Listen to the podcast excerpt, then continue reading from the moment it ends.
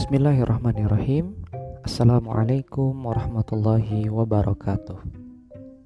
Subahul khair Kifahalukum Alhamdulillah semoga teman-teman senantiasa dalam keadaan sehat sekeluarga dan diberkahi oleh Allah Subhanahu wa taala.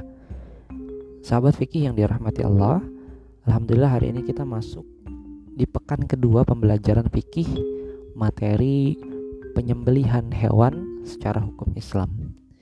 Di pekan lalu kita telah mempelajari apa dan bagaimana sih syarat-syarat penyembelihan hewan di dalam Islam agar daging yang kita konsumsi hasil penyembelihan tersebut dapat kita konsumsi secara aman dan tergolong makanan yang halal. Kita sudah tahu kemarin ya, ada beberapa syarat di antaranya orang yang menyembelih harus beragama Islam, dia mumayyiz atau sudah balik, sudah dewasa. Kemudian disebutkan nama Allah ketika dalam proses penyembelihannya. Kemudian kita juga paham sunnah-sunnahnya, misalnya alat pemotongnya harus tajam, kemudian membaca kalimat-kalimat seperti hamdalah, basmalah, kemudian salawat nabi, atau mengucapkan kalimat takbir dalam pelaksanaan kurban misalnya. Nah, hal-hal itulah yang harus kita perhatikan agar daging hasil sembelihan hewan yang kita sembelih itu secara zat maupun cara memperoleh dan cara penyembelihannya dapat dikategorikan sebagai daging yang halal. Itulah yang akan menjadi pembeda antara hewan yang dibunuh atau dimatikan dengan hewan yang disembelih. Ketika kita bicara membunuh atau mematikan hewan, maka kita bisa melakukan atau melukai hewan tersebut pada bagian mana pun. Ditusuk di bagian badan, dipotong kakinya, atau langsung dipukul di kepala. Itu adalah hal yang dilakukan berarti mematikan atau membunuh hewan. Hal itu ketika dilakukan maka membuat hewan atau daging hasil hewan yang tadi itu haram dimakan karena tidak sesuai dengan syariat Islam. Islam menghendaki ketika kita ingin memakan daging dari seekor hewan ternak, maka yang harus dilakukan adalah menyembelih dengan cara atau syariat Islam, yaitu memutus atau memotong aliran pernafasan, saluran makan dan minum agar hewan itu dapat uh, mati dengan tetap cara yang baik dan tidak menyakiti si hewan ya. Ini adalah cara yang sangat mulia yang telah diajarkan oleh baginda Rasulullah Shallallahu Alaihi Wasallam. Dan terus kita ikuti sampai sekarang. Bertujuan agar selain kita memiliki adab ya dan memiliki uh, perasaan untuk tidak menyakiti hewan kita juga senantiasa menjaga agar apa yang kita konsumsi itu dipastikan halal dan dalam keadaan yang baik. Baik teman-teman sahabat fikih yang dirahmati Allah pada bab ini ya di bab yang sama selain kita bicara soal penyembelihan hewan itu sendiri ada dua jenis penyembelihan hewan di dalam Islam selain daripada penyembelih untuk makan sehari-hari. Ya kalau kita beli di pasar beli ayam beli daging sapi ataupun daging kambing itu adalah hasil hewan yang disembelih untuk makan sehari-hari ya mereka jual kita beli untuk makan sehari-hari. Nah, ada ada dua kondisi lain ketika kita harus menyembelih hewan. Dalam hal ini adalah peristiwa Idul Kurban pertama dan yang kedua adalah akikah. Ya, jadi selain daripada menyembelih hewan untuk konsumsi sehari-hari, kita punya dua momentum pelaksanaan penyembelihan hewan, yaitu untuk kurban dan juga untuk akikah. Nah, teman-teman, untuk memudahkan pembelajaran materi ini, teman-teman boleh buka kembali slide PowerPoint yang sudah saya kirimkan di pekan lalu, yaitu bab 1 penyembelihan hewan menurut hukum Islam. Boleh sambil mendengarkan, teman-teman buka slide-nya satu persatu agar lebih mudah memahaminya. Baik, untuk bahasan kali ini kita mulai pada slide ke-11 yaitu tentang kurban itu sendiri. Kita mulai dari pengertian kurban. Teman-teman sahabat fikih yang dirahmati Allah, kata kurban itu berasal berasal dari kata koroba yang berarti dekat atau mendekatkan diri. Maknanya adalah seseorang yang berkurban itu berarti melakukan sebuah upaya mendekatkan dirinya kepada Allah Subhanahu wa taala. Dengan merelakan hartanya dibelikan sebuah atau seekor hewan ternak untuk diberikan kepada fakir miskin dengan niat mendekatkan diri kepada Allah Subhanahu wa taala. Kurban itu sendiri secara istilah dia berarti proses penyembelihan hewan ternak pada hari raya Idul Adha. Nah, sebentar lagi tepat banget insya Allah di pekan ini kita akan melaksanakan hari raya Idul Adha salah satu hari raya yang ada pada umat Islam selain daripada hari raya Idul Fitri.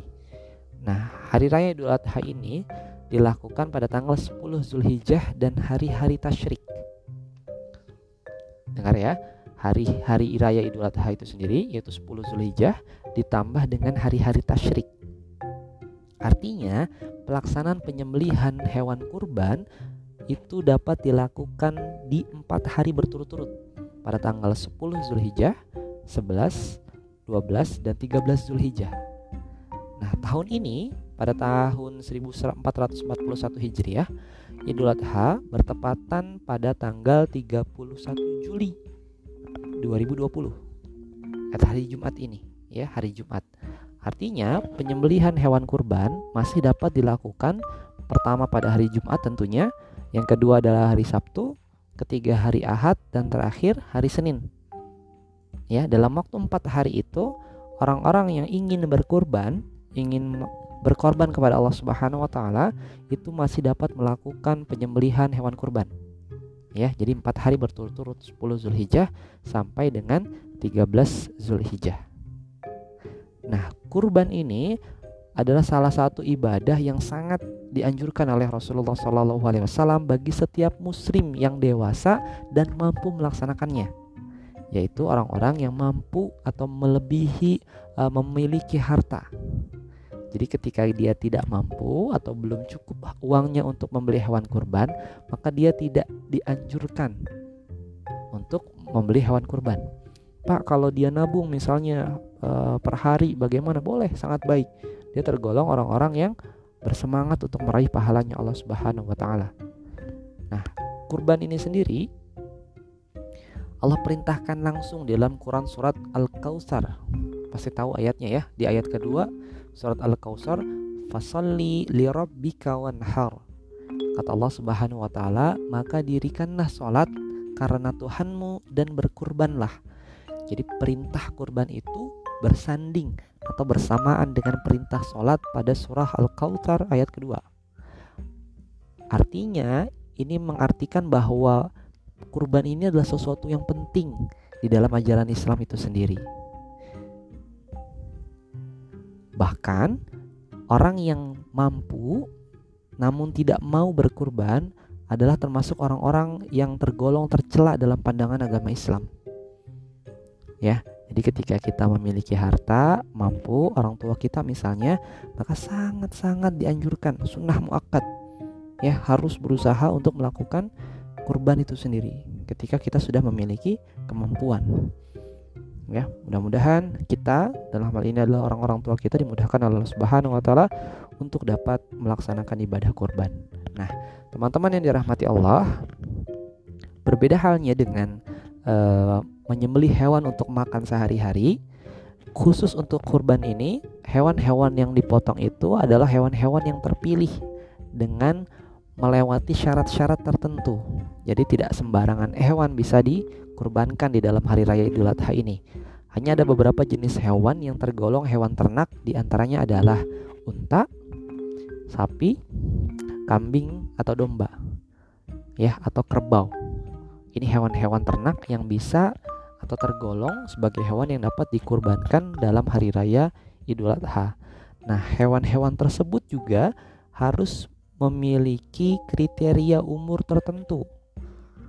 Ya, jadi tidak tidak bisa hewan-hewan yang masih kecil, masih muda itu dikurbankan. Ya, karena kurban ini adalah bentuk ibadah pemberian kita kepada orang-orang di sekitar kita dalam upaya mendekatkan diri kepada Allah, maka hendaknya hewan-hewan yang terbaiklah yang kita kurbankan. Di antaranya adalah hewan misalnya unta. Dia punya syarat minimal lima tahun atau lebih. Ya, atau disebut dengan ibil. Ya, jadi unta yang usianya masih sekitar tiga tahun 4 tahun itu belum dapat menjadi hewan kurban dia baru boleh dikategorikan sebagai hewan kurban ketika sudah menginjak usia 5 tahun untuk kerbau, sapi, dan kambing usianya minimal 2 tahun. Ya jadi yang masih muda masih satu tahun belum sampai satu tahun bahkan itu belum layak dijadikan hewan kurban. Dan terakhir kambing domba ya atau kita kenal dengan biri-biri. Nah ini adalah hewan yang minimal banget itu satu tahun. Atau kita kenal sebagai hewan yang sudah berganti gigi. Dalam ilmu fikih namanya da'an atau musinnah. Jadi hewan-hewan yang sudah tergolong dewasa lah yang sudah mampu atau bisa dikategorikan sebagai hewan kurban Selain kriteria atau syarat umur, hewan yang dikurbankan harus dipastikan hewan-hewan yang gemuk, sehat, dan dia tidak memiliki cacat tertentu.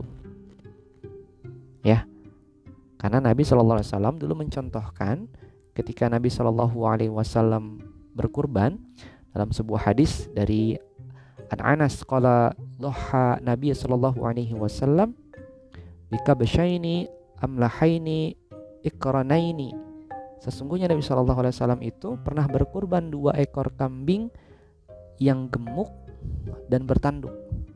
Artinya Nabi sudah mencontohkan ketika beliau hendak berkurban, Nabi memilih hewan kurban yang terbaik, yang yang sangat terbaik, yang tentunya sesuai dengan kemampuan kita juga. Artinya ketika kita memiliki rezeki banyak, maka hendaknya membeli atau mencari hewan-hewan yang terbaik. Adapun ketika memang rezekinya tidak sampai untuk membeli yang terbaik, maka dalam hukum Islam tetap dibolehkan hewan-hewan yang sesuai dengan kemampuan para pengkurban masing-masing. Nah, sahabat fikih yang dirahmati Allah, dalam tata cara pelaksanaan kurban, ya, yang ada beberapa hal yang perlu diperhatikan yang menjadi sunnah dalam pemotongan atau penyembelihan hewan kurban. Di antaranya ketika hendak menyembelih hewan kurban disunahkan membaca kalimat basmalah, kemudian membaca salawat Nabi, Allahumma sholli ala sayyidina Muhammad wa ala sayyidina Muhammad, kemudian membaca takbir baik orang yang menyembelih maupun orang-orang yang menyaksikan prosesi penyembelihan hewan hendaknya membaca kalimat takbir ya Allahu akbar Allahu akbar Allahu akbar la ilaha illallah Allahu akbar Allahu akbar walillahil ham dan kemudian sunnah lainnya adalah orang yang berkurban sendiri itulah yang menyembeli hewannya. Jadi ketika misalnya ayah kita berkurban satu ekor kambing, maka sunnahnya hendaknya ayah kita sendirilah yang menyembelih ya atau yang memotong leher hewan itu dia sendirilah yang menyembelihnya. Itu hukumnya sunnah. Kalau belum berani, belum bisa ya atau belum sempat waktunya boleh diwakilkan oleh orang lain. Ya itu adalah tata cara pelaksanaan hewan kurban. Harapan saya ya di hari Jumat Sabtu nanti ketika proses hari raya Idul Adha teman-teman bisa berpartisipasi dalam pelaksanaan penyembelihan hewan kurban.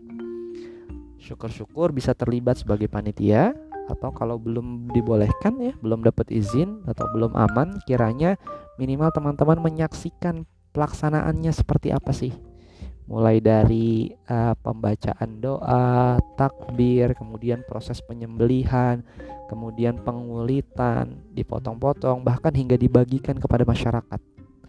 Nanti kita akan tahu apa sih sebenarnya esensi kurban itu, ya. Untuk siapa sih daging-daging kurban itu?